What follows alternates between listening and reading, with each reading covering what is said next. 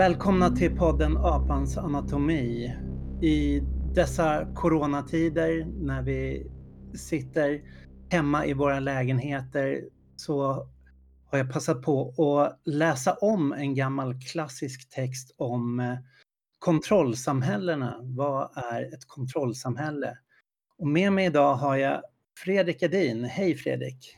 Hallå! Eh, live från eh, Industrihamnen i Malmö. Ja, perfekt. Den här, ja, vi kanske ska säga några ord om dig först. Hur, hur brukar du beskriva dig själv? Bra fråga. Det brukar jag nog inte göra, men jag, ja, hur ska jag beskriva mig själv? Jag, just för tillfället så håller jag på och skriver Mm. en avhandling om tid. Jag har tidigare skrivit en, jag bloggar på bloggen Skumrask och eh, skriver i lite olika tidningar ibland. Men eh, de senaste, senaste åren har jag ägnat mig åt en, eh, en avhandling om tid. Att jag är bara intresserad av tid nu för tiden så att eh, jag kommer bara prata om det idag. Det är väldigt roligt att, att läsa den här texten igen. Vi, innan vi började så pratade vi om att vi hade den här på någon studiecirkel för vad som måste vara 20 år sedan, men det, det känns som, fem, men, men det, är nog, det är nog 20 år sedan. Och eh, att det då i alla fall nog var den eh, mest lästa Deleuze-texten i, i Sverige eftersom det, det fanns väldigt Mm. lite översatt. Det var nog den första, vad, vad jag vet, texten som översattes till svenska. det fanns en skriftserie som hette Kairos, skriftserien Kairos, och då gav de ut Nomadologin som är ett av Deleuze och Guattaris kapitel ur den här Tusen platåer, ett av de bästa kapitlen i den boken. Det är det som heter Krigsmaskinen, eller hur? I det, den boken så översatte de också den här postskriptum till kontrollsamhällena som är från 1990. Så det är sen Deleuze-text. Han gick väl bort några år efter den här texten skrev. Jag tror han hängde 95 eller något sånt. Guattari dog några år tidigare, om det var 92, 93, 93 kanske och Deleuze kanske runt 95. Och den här texten har ju Ja. Deleuze skrivit själv. Guattari är inte med på den, men det är, Guattari är ju, känns väldigt närvarande i den också, att det är som det är. Det är ju bland annat, det, jag vet inte om det är ett citat direkt, men det står att Gattari brukade tänka sig. Jag vet inte var det här kommer ifrån, om det är något han har skrivit eller någonting de, de brukade snacka om. Men jag vill minnas att den här texten blev också väldigt, den blev spridd också för att den ansågs Mm. vara väldigt så här, förutseende. Att det Deleuze förutser är, är eh, den här kontrollmekanismen som i varje ögonblick anger ett elements Mm. position i en öppen miljö. Det som det har alltså Gottari tänkt då, oklart i vilket sammanhang eller om man har skrivit ner det där, men det, han, Mm. han, eh, han hänvisar till Gottari. Och det där är egentligen en rätt bra beskrivning av vad som eh, på engelska brukar kallas location awareness eller autopositionering brukar jag översätta det till. Det här med att vi hela tiden avger vår eh, position. Så fort man har en, en telefon eller en eh, uppkopplad klocka eller vad det nu kan vara så, så berättar man var man är någonstans. Man kan väl, om vi börjar lite från början med den här texten så kan man väl säga att det att Deleuze, han eh, undervisade ju i filosofi på, det var ju Foucault som fixade in honom och Foucault skrev ju sina böcker mycket om de här disciplinära samhällenas framväxt under 1700 och 1800-talet. Och det här är väl Deleuze lite svar på Foucault där han säger att de samhällsformationer som eh, Foucault beskriver, vi kan ju beskriva det lite närmare vad som menas med disciplinärt samhälle i och med att när Deleuze kontrar med kontrollsamhället, att det är någonting som växer fram ja, under 1900-talet efter andra världskriget när de här disciplinära institutionerna hamnar i kris så beskriver han hur det här inträder och den känns ju väldigt i och med att den är skriven 90 men han prickar ju mitt i prick på den händelseutveckling som har skett de här vad är det, 30 åren sedan dess. Yes. Ja, men det är ju verkligen eh, internet och uppkopplingar och, och den typen av kontroll som, som beskrivs. Den här övergången. från det Foucault mm. beskriver som kanske är mer industrialismens eh, typ av roll så, så beskriver eh, Deleuze någon typ av post, eh, postindustrialistisk eh, kontroll där man liksom inte behöver exempelvis samla arbetare på en fabrik på samma sätt utan man kan låta dem ränna runt för att man har den här rumsliga kontrollen. Man kan hela tiden veta var människor är någonstans. Man kan hela tiden exploatera deras arbetskraft. Förut var man liksom tvungen att, släpa folk till en fabrik och mm. ställa mm. dem vid maskinen men nu kan, man, nu kan de sitta vad fan som helst. Såklart inte alla arbetare, det finns fortfarande eh, massa med, med, helt vanliga smutsiga fabriker i, runt om i världen. Jag såg Michael Hart, hade, han använde ju den här texten i sin undervisning och den har ju betytt mycket för imperiet när, som han skrev med, med Negri. Han skrev att ja, men det ska inte kontrasteras som att det är Först hade vi disciplinsamhället och sen svänger det över till kontrollsamhället som är något helt annat. Utan han menar ju snarare så här, tänk att de här institutionernas väggar tas bort. Och de teknikerna som har utvecklats där inne plötsligt sprids över hela samhället så att du har inte en rad avgränsningar. Du går inte från familj till skola till fabrik, sjukhus, fängelse, militär.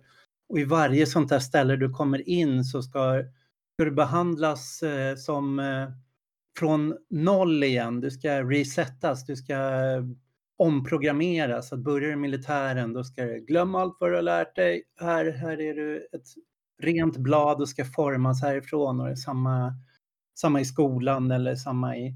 Utan det här är ju någonting snarare då som eh, handlar inte om att börja från noll hela tiden utan eh, modellering eller hur man fortsätter forma någonting i de här precis. Skriver någonstans att man är ständigt under utbildning och ständigt inom, liksom, utsatt för olika hygienåtgärder och ständigt liksom, allt, det här, allt det här existerar parallellt istället för att man går från skola till fabrik till, till ålderdomshem eller vad det nu kan vara. Mm. Så familjen och fabriken och skolan och sjukhuset har ju inte försvunnit men deras tekniker har snarare spridits ut och kopplats ihop med varandra. Precis, och det, det är ju sammanflätat med, med en teknologisk utveckling som, som möjliggör att ta bort de här väggarna. Hade man inte haft den här rumsliga kontrollen så hade man inte kunnat göra det, utan det här blir ju möjligt först när man kan ha den här kontrollen över människor utan att behöva stänga in dem i ett rum. Mm. Det, det, är ju liksom eh, utan, utan såklart att tekniken är ju inte determinerande på något sätt utan liksom sammanflätad i, i den här samhällsutvecklingen. Ja. Och det som slog mig nu, jag har inte, som sagt, jag har inte läst den här på sen vi hade studiecirkel på den på, på 44 1999 eller vad det kan ha varit.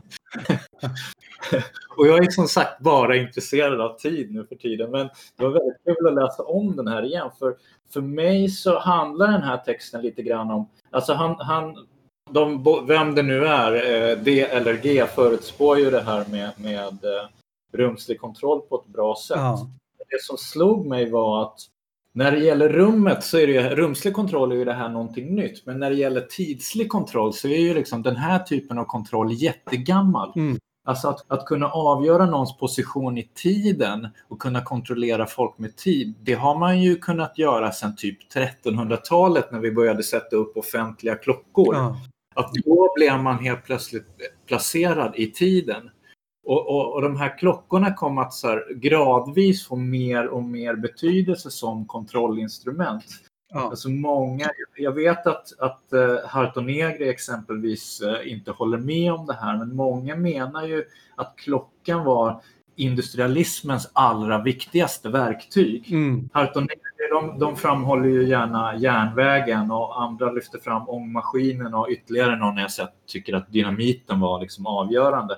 Men inget av det här hade funkat utan, utan klockan. Mm. Så det, för mig handlar den här texten om visst övergång från disciplin till kontroll men också övergång från kontroll i tiden till övergång till kontroll i rummet och tiden. Mm. Och det, det det är en sympatisk läsning av Hart att det är, liksom, det är ingenting egentligen som ersätter någonting annat utan saker börjar existera parallellt. Mm. Och där kan man ju se då E.P. Thompson har ju skrivit till exempel mycket om det, om eh, tidens införande i, i produktionen där han beskriver hur gamla formen av manufaktur var väldigt mycket att man fick, du producerade saker hemma och sen så kom du, du skulle leverera en viss mängd tyg eller någonting sånt och så satt du hemma och vävde och så kom du och lämnade det en gång i veckan till din till din arbetsköpare, då hade ju arbetsköparen ingen kontroll hur du jobbade. Så att eh, en arbetsvecka såg ofta ut att folk,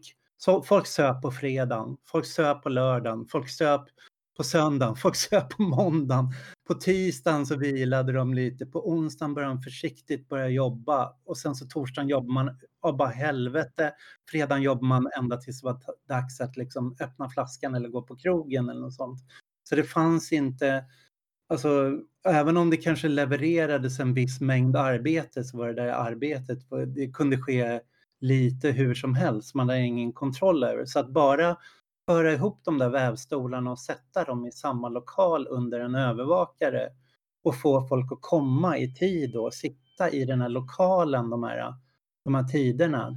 En annan sak som händer med tid är ju där att förut fick, fick arbetare oftast betalt per tillverkad enhet. Så att man gjorde tyger så fick de betalt per tyg. Ja. Men när produktionen blir mer komplicerad sen så funkar inte det här längre för det går liksom inte riktigt att avgöra vem som har tillverkat hur mycket utan då börjar man också mäta arbete i tid.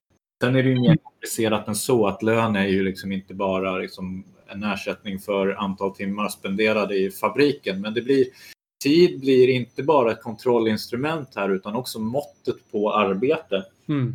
I.P. Thompson skriver väldigt intressant om det också, att, om hur svårt det var att inte förhålla sig eh, till tiden för arbetarna. Mm. För att så fort man började mäta arbete i tid så var det svårt för arbetarna att avgöra ifall de bluffade, om arbetsköparna fuskade med det här, om de till exempel ställde här. Nej, klockan är inte alls fyra, den är, den är halv tre fortfarande, sorry, det är en och en halv timme kvar. så fort det blev möjligt började de skaffa sig egna klockor för att kunna kolla liksom, jo men fan klockan är visst fyra, titta här. Men det de gör då menar I.P. Thompson, det är att då fick de hela det här tidssystemet på köpet. Mm. När de skaffade egna klockor och började förhålla sig till det här. Och då efter det här så började de kämpa inom det här systemet snarare än mot. Att klasskampen började handla om väldigt mycket om en kamp om den här abstrakta tiden. Mm. Eh, förkortade arbetsdagar, rätter till raster och långsammare tempo, betalt för övertid och sådär. Mm. Istället för att liksom bekämpa den här tidskontrollen. Mm. Man köper ju, det blir liksom en kamp så inom, in, inom kapitalistisk kamp på, på ett annat sätt. Mm.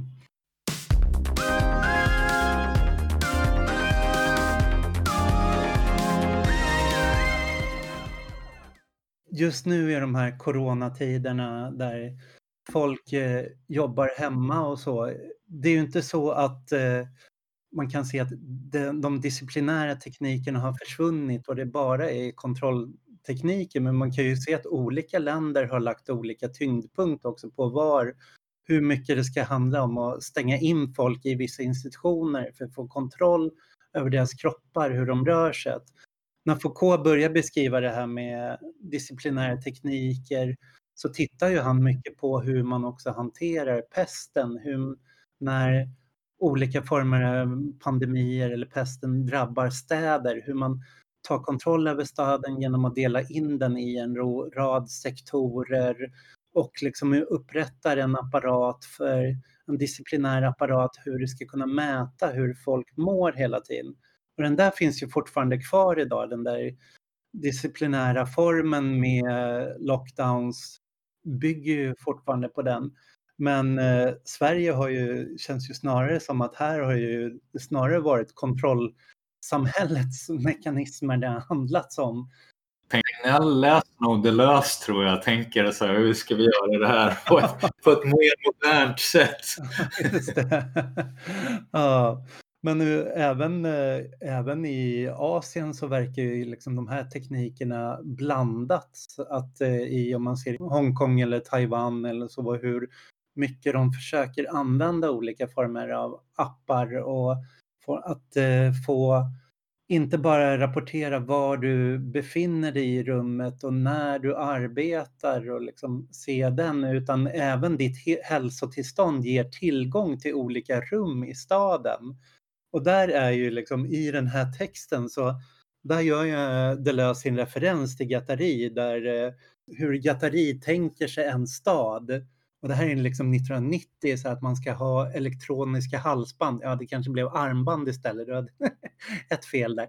Men, eh, Det är som den här Kenneth Ahl-boken där, eh, där de har elektroniska narrbjällror på fångar. Ja, just det. Och de här elektroniska korten då ger tillgång till olika barriärer så att du kan eh, få tillgång till olika rum. Det diskuterade Lös och Gattari beroende på hur du rör dig i staden. Var din position är tillåten eller otillåten och det här konstant kan moduleras och förändras så att du kan där du var tillåten att gå in igår kan det blinka rött och du är inte välkommen in idag. Så fort du har nyst en gång så är du liksom avspärrad från vissa så det kafétäta områdena i stan. Ja, just det. Man undrar hur många, hur många pigga startups som bara mm, det här ska vi eh, göra en eh, affär av och, och börja sälja sådana här appar och använda dem på, på anställda eller vad det nu kan vara. Ja, men det har ju redan varit en rad stora skandaler. MSB försökte ju göra en sån app här men den stoppades ju och den som brittiska sjukvården har använt det är ju också någon sån privat startup eh, grej som eh, där cheferna då kan gå in och titta på chatthistoriken och även se vad, vad de eh, anställda inom sjukvården när de rapporterar vad, vad de internt har pratat om och så. Så att facket har gått in och uppmanat alla vårdarbetare att sluta använda de apparna det är lite fascinerande. Jag tror att det, det, har vi otur så kommer det någon sorts här hälsokontroll eh, genom appar som, som eh, blir obligatorisk på, eller så frivillig, men man, mm. man uppmanas använda dem inom vissa, vissa yrken och på vissa arbetsplatser. Ungefär som så här, ja men vad roligt, vi, vi har en tävling den här månaden, vem som går flest antal steg. Mm bara lägga till några parametrar där med så här, vem som inte har hostat eh, den här veckan och sådär. Ja. Det påminner lite grann. Har du läst? Det finns en fantastisk bok av en, en eh, författarinna som heter Julie C.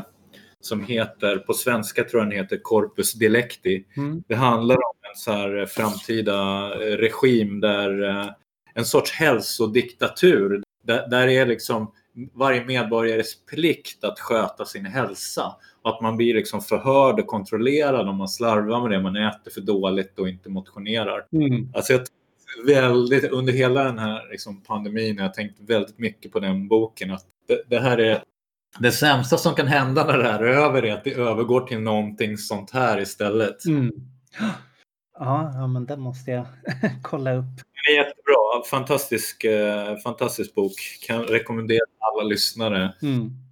Men de bitarna du tog också om eh, den här konkurrenstävlan. Man pratar ju om gamification nu, att det är allting, även arbete och allt sånt blir som eh, man ska tävla med varandra eller i, man kan ta callcenters eller den där försäljarkulturen. Man ska, vem är veckans bästa anställd? Vem har lyckats prestera mest? Så att allting, man ska sporra upp presterandet på det sättet. Och det är ju, skiljer ju också så här, det är ju en kontrollmekanism en disciplinär mekanism. Eh, inte att du buntar ihop alla arbetare och du har en arbetsledare som ska stå och piska dem att liksom producera så mycket som möjligt gemensamt, utan här, här får du individerna liksom att tävla och konkurrera med varandra. Och det här är ju också någonting som Deleuze går in på i den här texten, att eh, hur den här individuella rivaliteten och tävlan blir viktigare och prestationslönen och så. Det här är också någonting han sitter och diskuterar då. Absolut, och det, det är inte bara man tävlar mot andra utan så med sig själv också. Mm. Jag har i mitt avhandlingsprojekt jag skaffat en sån här eh, smart klocka som mäter massa olika så kroppsfunktioner, puls och steg och allt möjligt. Och det är väldigt så slående. Det tog ungefär ja, men, en dag innan jag började tävla med mig själv. att som, ah, så här mycket gick jag igår, jag ska se om jag kan gå lite mer idag. Ja. Så det handlar det, det, så, och det här är ju, det är ju rätt vanligt. Det är ju till och med så här att en del företag i, i USA har, har tvingat anställda mm. att ta på sig så aktivitetsarmband på, av olika slag och till och med tvingat folk att eh, gå in varje vecka och göra någon sorts utvärdering om så här, ja, men så här kändes det på armbandet, så här mycket har jag gått. Mm. Jag tror att det var någon så här, om det var alla bibliotek i, i Chicago som, där de tvingade all, anställda att uh, ha på sig armband och de skulle gå in på en sida varje, varje fredag och skriva hur de mådde fysiskt och psykiskt och sådär. Och, och facket där gick till domstolen och sa att men det här är fan mig integritetskränkande. Vi kan inte, vi kan inte, liksom, ni kan inte tvinga oss att göra så här. Men de förlorade tydligen för att de resonerade så att men det är frivilligt att jobba på mm. bibliotek. Det är, bara, det är bara sluta om det inte passar. Mm. Och sådana här grejer tror jag kommer bli vanligare. Att det är så här, kanske inte, utan mer sån här nudging eller vad det kallas nu för tiden. När man liksom inte tvingar någon, men så här, antyder att det kanske är rätt bra att eh, använda ett sånt här armband och utvärdera sin hälsa och liknande. Sånt här finns ju på, på nästan alla större arbetsplatser i alla fall. Olika så här, gå med det här, utmaningen för mars, cykla till jobbet fem gånger och sådana här grejer. Mm. Så jag tror att det kommer komma sakta men säkert. Ja, det brukar vi beskriva som en av nyliberalismens eh, styrtekniker. Just nudging och att man eh, snarare för att driva och försöka motivera att fungera på det där sättet så att man motiverar till eget och nudging tycker jag, det är någonting som också ligger i, i, i linje med det här eh, kontrollsamhället. Att det är liksom, men vi har inte den här disciplinära funktionen längre utan det är lite, så här, lite frivillighet och det, man, man involverar ofta saker som är utanför arbetsplatserna. Typ att så här, gå eller cykla till jobbet och liknande. Mm. Jag har till och med sett, jag tror det var ICA som erbjöd att man, man kunde logga antalet steg man gick ja. och så fick man vissa typer av rabatter om man nådde upp till, till olika saker.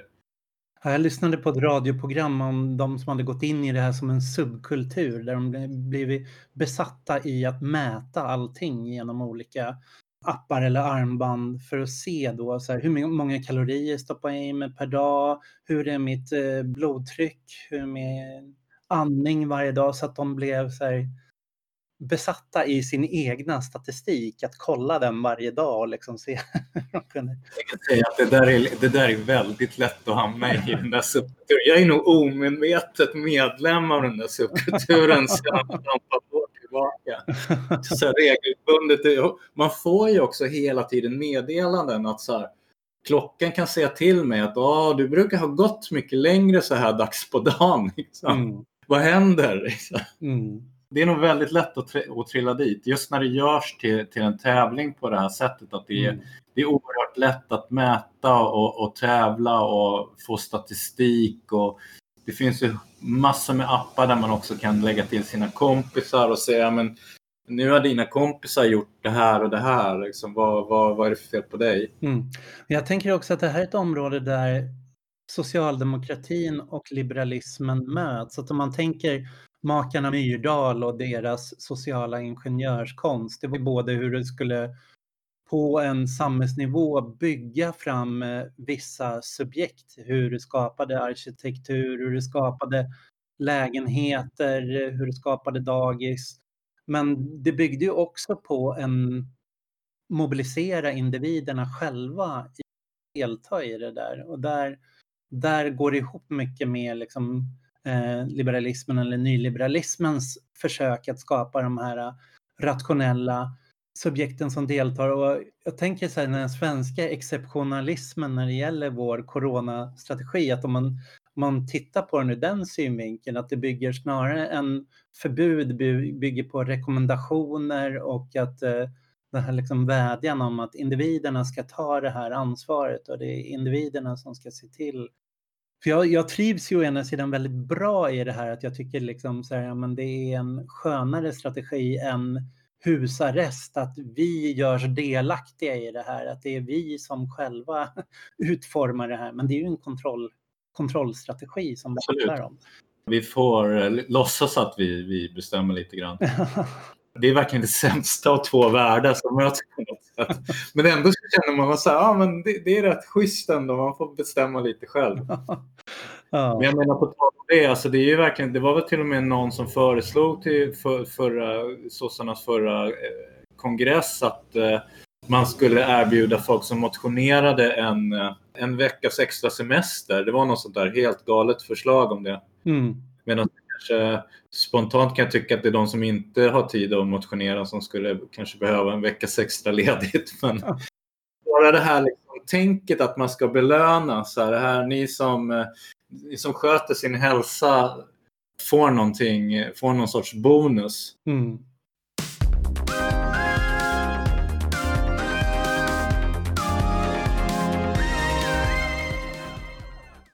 En annan bit som Deleuze går in på som jag tycker är väldigt intressant och som, eh, ja, som sagt de här 20 åren sedan vi läste den så har jag verkligen, det är någon så här återkommande tanke hos mig och det är hur det här motsättningen individ-massa, att eh, Deleuze skildrar det som en falsk motsättning och båda rymdes i det disciplinära samhället. Att du, du kunde bara bli individ i en massa och de två polerna var det som eh, de här disciplinära institutionerna verkade mellan. Att du, du föstes ihop i militär eller skola och där skulle du individualiseras. Du skulle bli, bli individ och det gjorde du i relation till de andra i massan. Men han menar att kontrollsamhället, det bygger inte alls på samma uppdelning individ-massa utan där har han tänker sig snarare som eh, kod eller hur den här omkodningen sker. Att eh,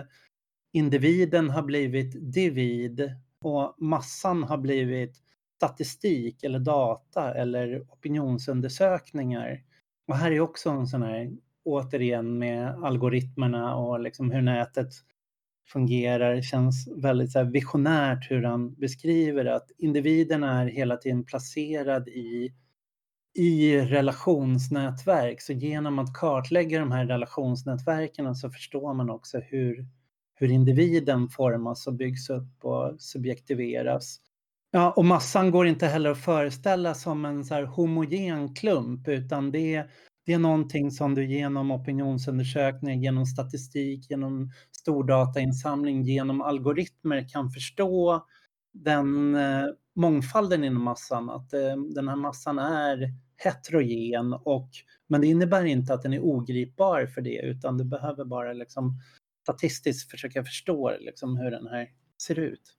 Om man är, är väldigt snäll mot Deleuze kan man ju säga att han förutspår modern eh, som internetekonomi också. Att just den här datamängden genererar, eh, är det som liksom genererar vinst för världens största företag. Mm. Som, eh, jag menar alla de här Alphabet, Facebook, Apple, det, det är ju liksom numera världens största företag. Mm. Och deras ekonomi består av att, att vi genererar data. Mm. Det är det de tjänar sina pengar på. Och det är ju, det, så, så det, sen vet jag inte liksom hur, hur Deleuze tänkte med det där, men det, om, man, om man är, som sagt, om man är, om man är snäll mot Deleuze så kan man säga att det där också förespår hur, hur modern ekonomi fungerar. Mm.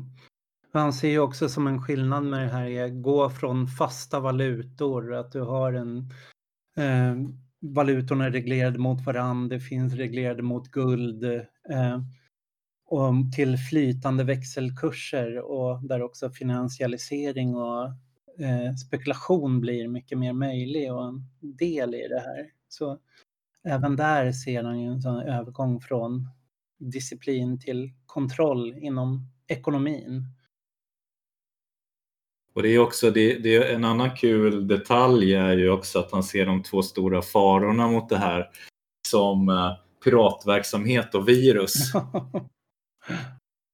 ja, det är det som kan slå ut de här systemen. Samtidigt som de här gamla systemen ses då som analoga system, det är liksom avgränsade institutioner, men när du binder ihop dem på det här sättet till eh, då, det är ju där cybernetiken kommer in, att du ska förstå kontrollen är en form av styrning som inte är Inom disciplin så är det mer direkta order och du kontrollerar en kropp hur den ska röra sig.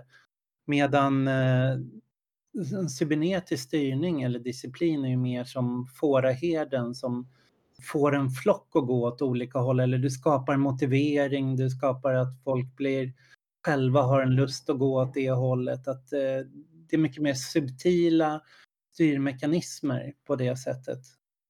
Absolut, och väldigt mycket så här att vi frivilligt låter oss styras genom all möjlig utrustning som man helt så här, ja men eh, fett med telefon och klockor och allt möjligt men att hela tiden alltså delar ut information, inte bara sånt som liksom ofrivilligt att det, det liksom, vi, någon kan hela tiden ha koll på var vi är någonstans utan alltså data vi sprider överallt om oss själva.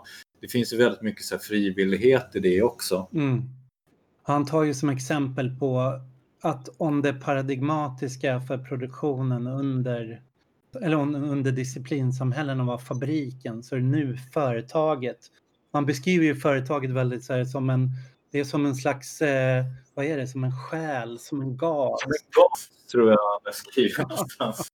Och det är ju väldigt bra, bra beskrivning på en fabrik. Den producerar ju en färdig vara. Att du får in eh, i en, i en fabrik som producerar bord, där liksom tar du in trä och gör om det till bord och så säljer du borden. Men företagen, tänker han sig mer då, är processande. Att det, det blir inte alltid en färdig vara utan det blir någonting som du säljer vidare som sen går att kombinera på andra sätt. Eller eh, bygga vidare på eller så. Om du...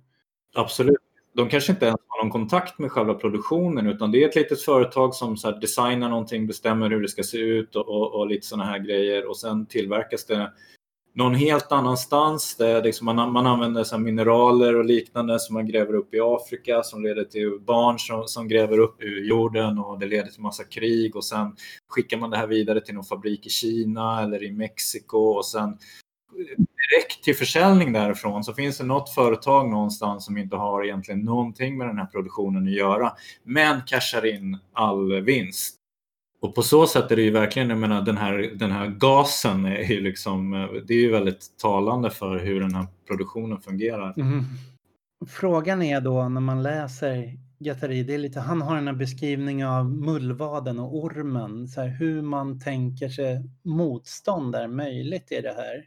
För med mullvaden i eh, det disciplinära samhället så det är ju Marx referens till att klasskampen då och då sker en dolt under jorden. Det, det, det pågår men man kanske inte ser det och sen bryter det ut då och då i öppna uttryck.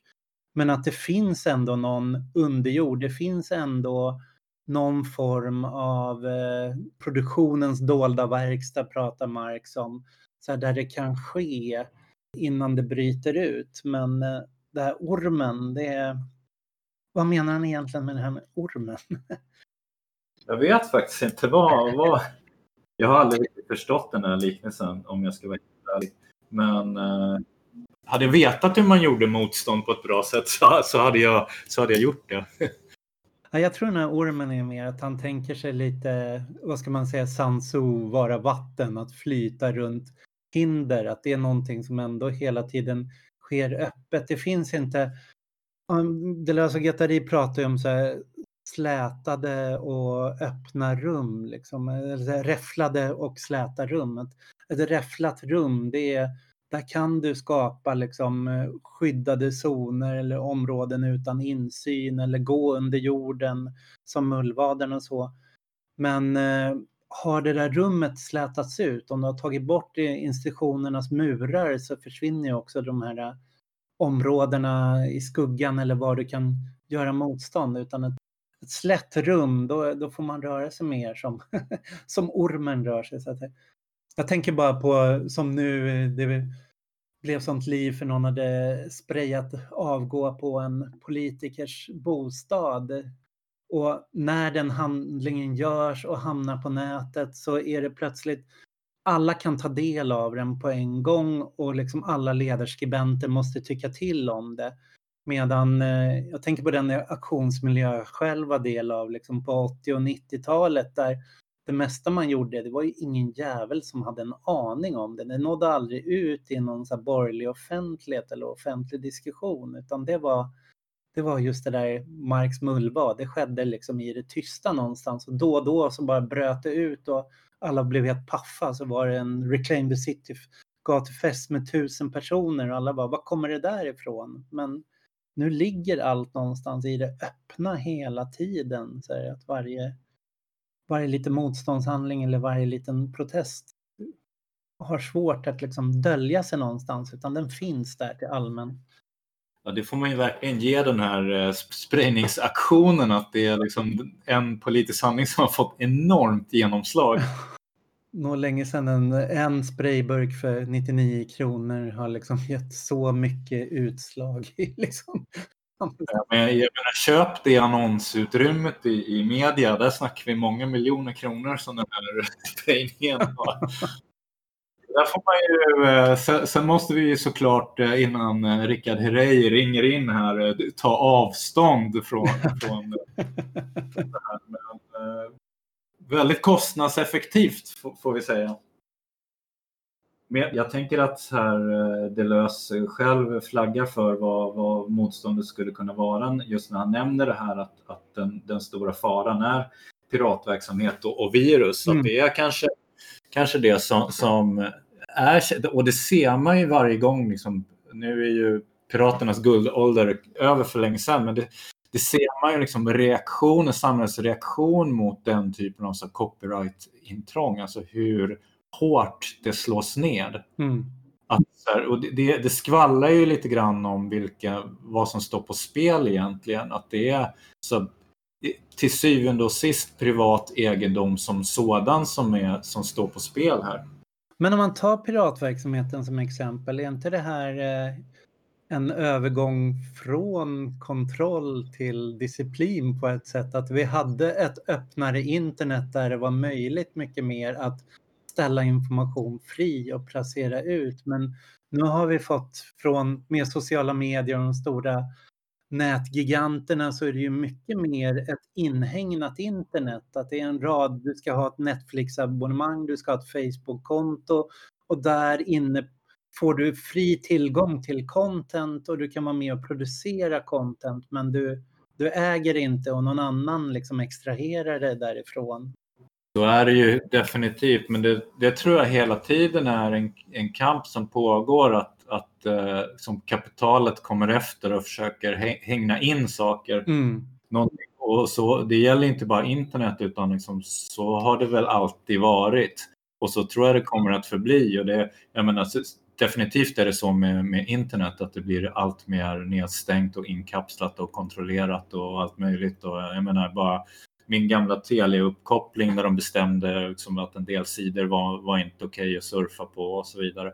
Så så är det ju definitivt, men där får man inte glömma bort det. Jag menar, det finns ju allt möjligt från darknet till och, och sådana saker som som folk verkligen inte har någon kontroll över. Mm. Så att det där, det, men det där tror jag alltid, det, det, är liksom en kamp och ibland så, så tar arbetarklassen eh, initiativet och ibland så, så hamnar vi efter.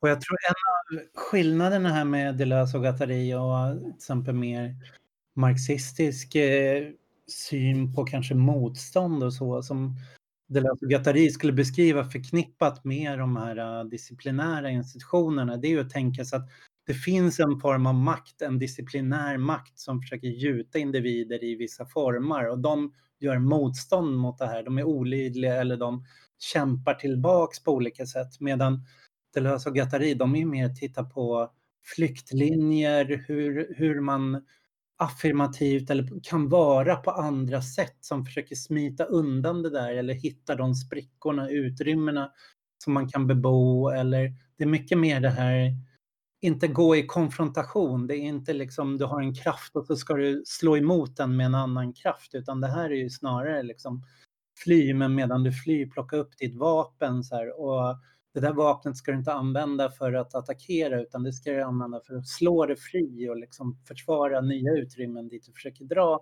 Medan den här liksom infångande makten hela tiden försöker följa efter och inte disciplinärt kuva det här utan så här, snarare så här, hmm, hur kan vi valla de här begären?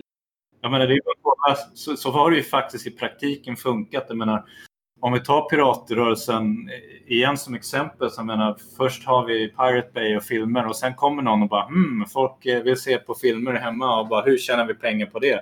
Och sen helt plötsligt har vi Netflix och sen helt plötsligt är folk för lata för att eh, ladda hem filmer på, på annat sätt.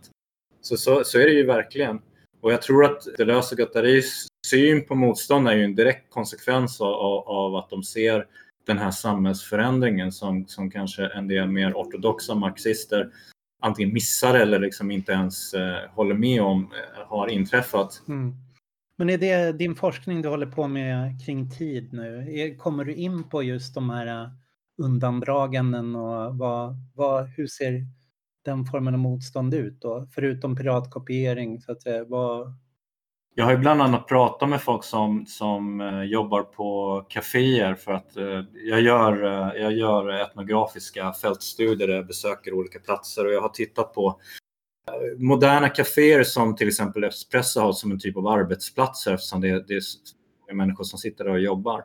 Men då, och då har jag tittat liksom på vem, ti, vems tid som exploateras på de här ställena och vilka som, hur vilken grad människor har kontroll över sin egen tid. Mm. Och jag menar, som slår sig ner med sin laptop och jobbar eh, på, på ett café har ganska mycket kontroll över att ja, men man gör det just där och just då och har bestämt det där själv. Men det här förutsätter ju att det är någon annan som typ städar där på natten, det är någon som står i kassan och, och som inte alls har någon kontroll utan är, är ganska hårt schemalagda. Mm. Och jag har tittat på just hur, hur sådana här människor som skapar sig tidslig frihet genom att så här, ta raster när de egentligen inte får. De täcker upp för varandra och låtsas att det är liksom, båda är på plats när någon liksom, är ute på stan och handlar eller, eh, eller bara har satt sig och tagit det lugnt i, i personalrummet och liknande. Mm.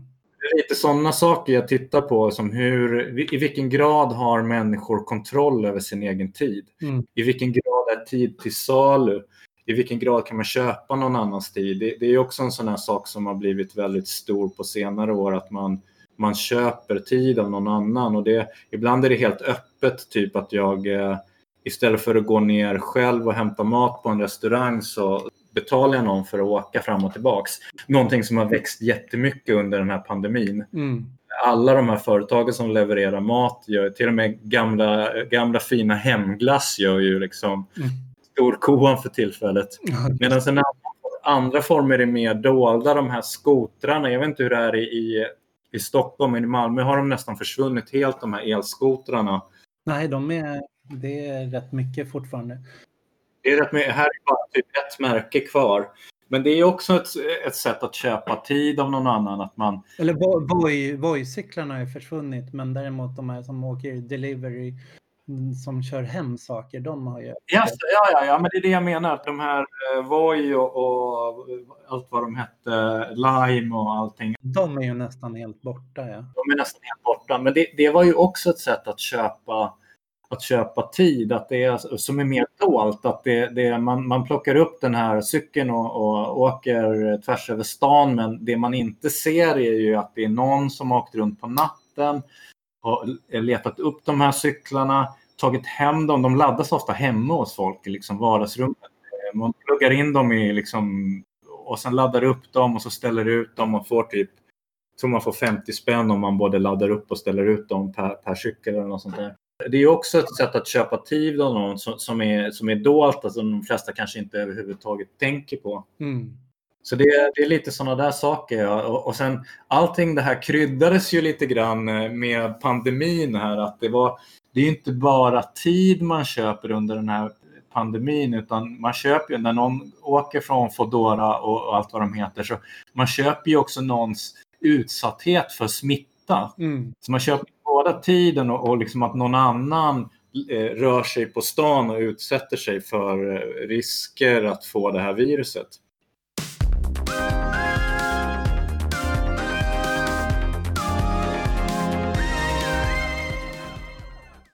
Du, har det kommit in någonting i det där på Zoom och hela det här eh, förändrade formen av eller utvecklandet av hemarbetet och hemmötena och hela det där? Alltså lite grann. Jag, jag gör undersökningen i liksom stadsmiljöer med pseudo-offentliga och offentliga stadsmiljöer. Så jag, är, jag, jag, kollar inte hur det ser ut i folks hem. Men där, däremot har jag pratat med en hel del människor som har nu börjat jobba hemifrån. Och någonting som har slagit mig där är att det är någon sorts här, en del har nästan som någon sorts avtändning från deras vanliga arbetstider. Att de bara, fan vad jobbigt, jag klarar inte av det här längre. Jag måste ha liksom, jag måste återgå till mina normala rutiner. Mm. Det är så här, det är som en, en person som jag har träffat några gånger som berättar att han, liksom, han går upp senare och senare för, för varje dag.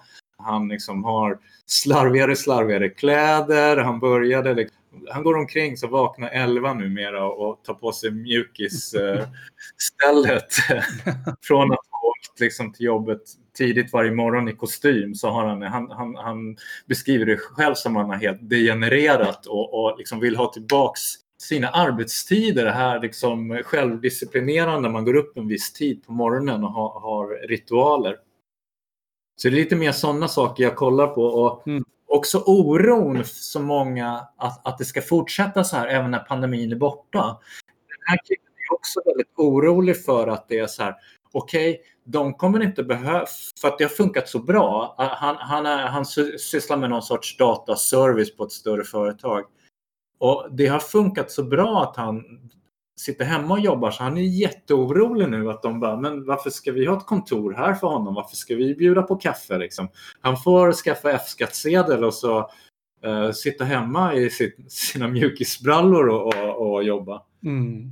Och det, det är också, jag menar, jag, jag jobbar ju också inom universitetsvärlden. Det är jättemånga där som bara, fan, uh, det, det, kommer att, här, folk kommer att märka hur hur smidigt det är med distansundervisning. Vi behöver, så här, lokalbristen är löst. Mm. Vi behöver liksom inte ha, ha, ta hit någon längre utan folk kan sitta hemma med Zoom. Ja, det där är ju frågan hur mycket som kommer återgå till hur det var innan och hur mycket det läggs en ny ordning nu, både i hur man jobbar och vilka företag som kommer expandera och vilka små företag som kommer gå omkull.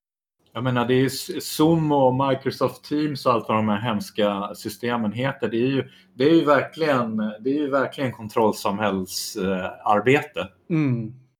Det är liksom, vi har ingen fabrik längre utan vi har en, vi har en uppkoppling.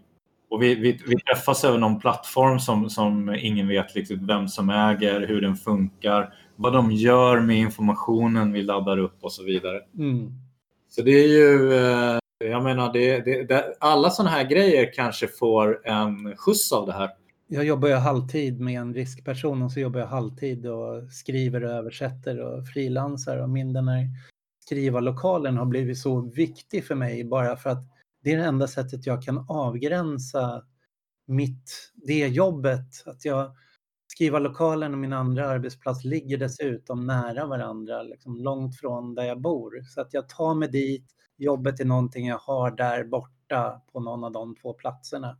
Och sen åker jag hem och kan försöka stänga av det där. Men det, jag känner mig lite så här lyckligt skattad på det sättet som fortfarande kan göra den uppdelningen eh, mellan, mellan var jag jobbar och var jag inte jobbar. Annars skulle det där det flyter ihop för mycket. Jag menar, och det, det, är ju liksom en tendens i samhället att det är på det sättet att här, man kan exploatera arbete på många fler platser under många fler tider än man kunde göra innan internet till exempel. Mm.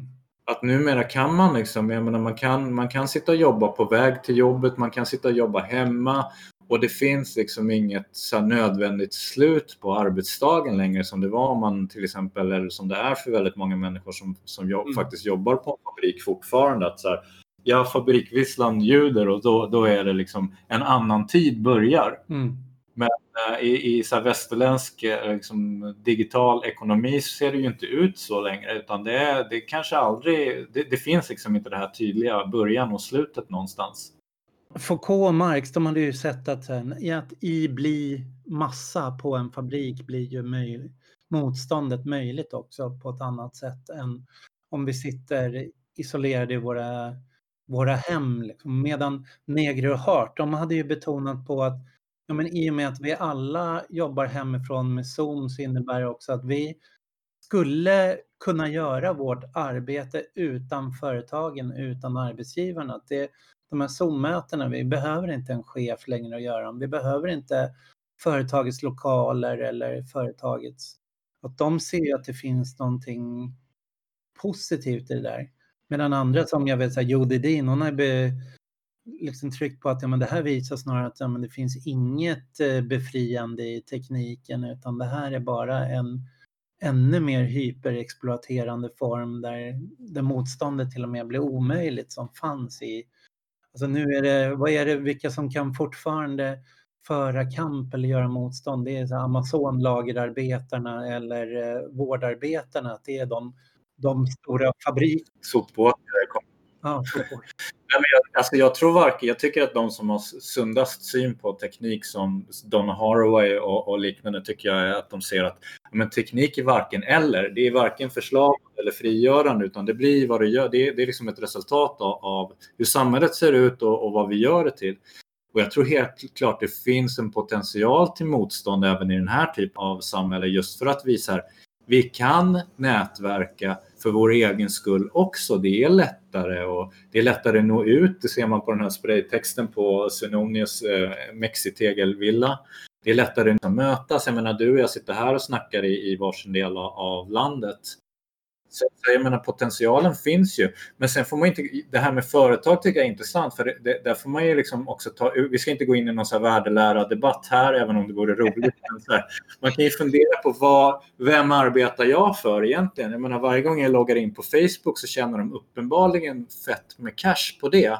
Jag tror att de eh, någonstans tjänar 20 dollar per eh, användare och de har så här, 2 miljarder eh, användare.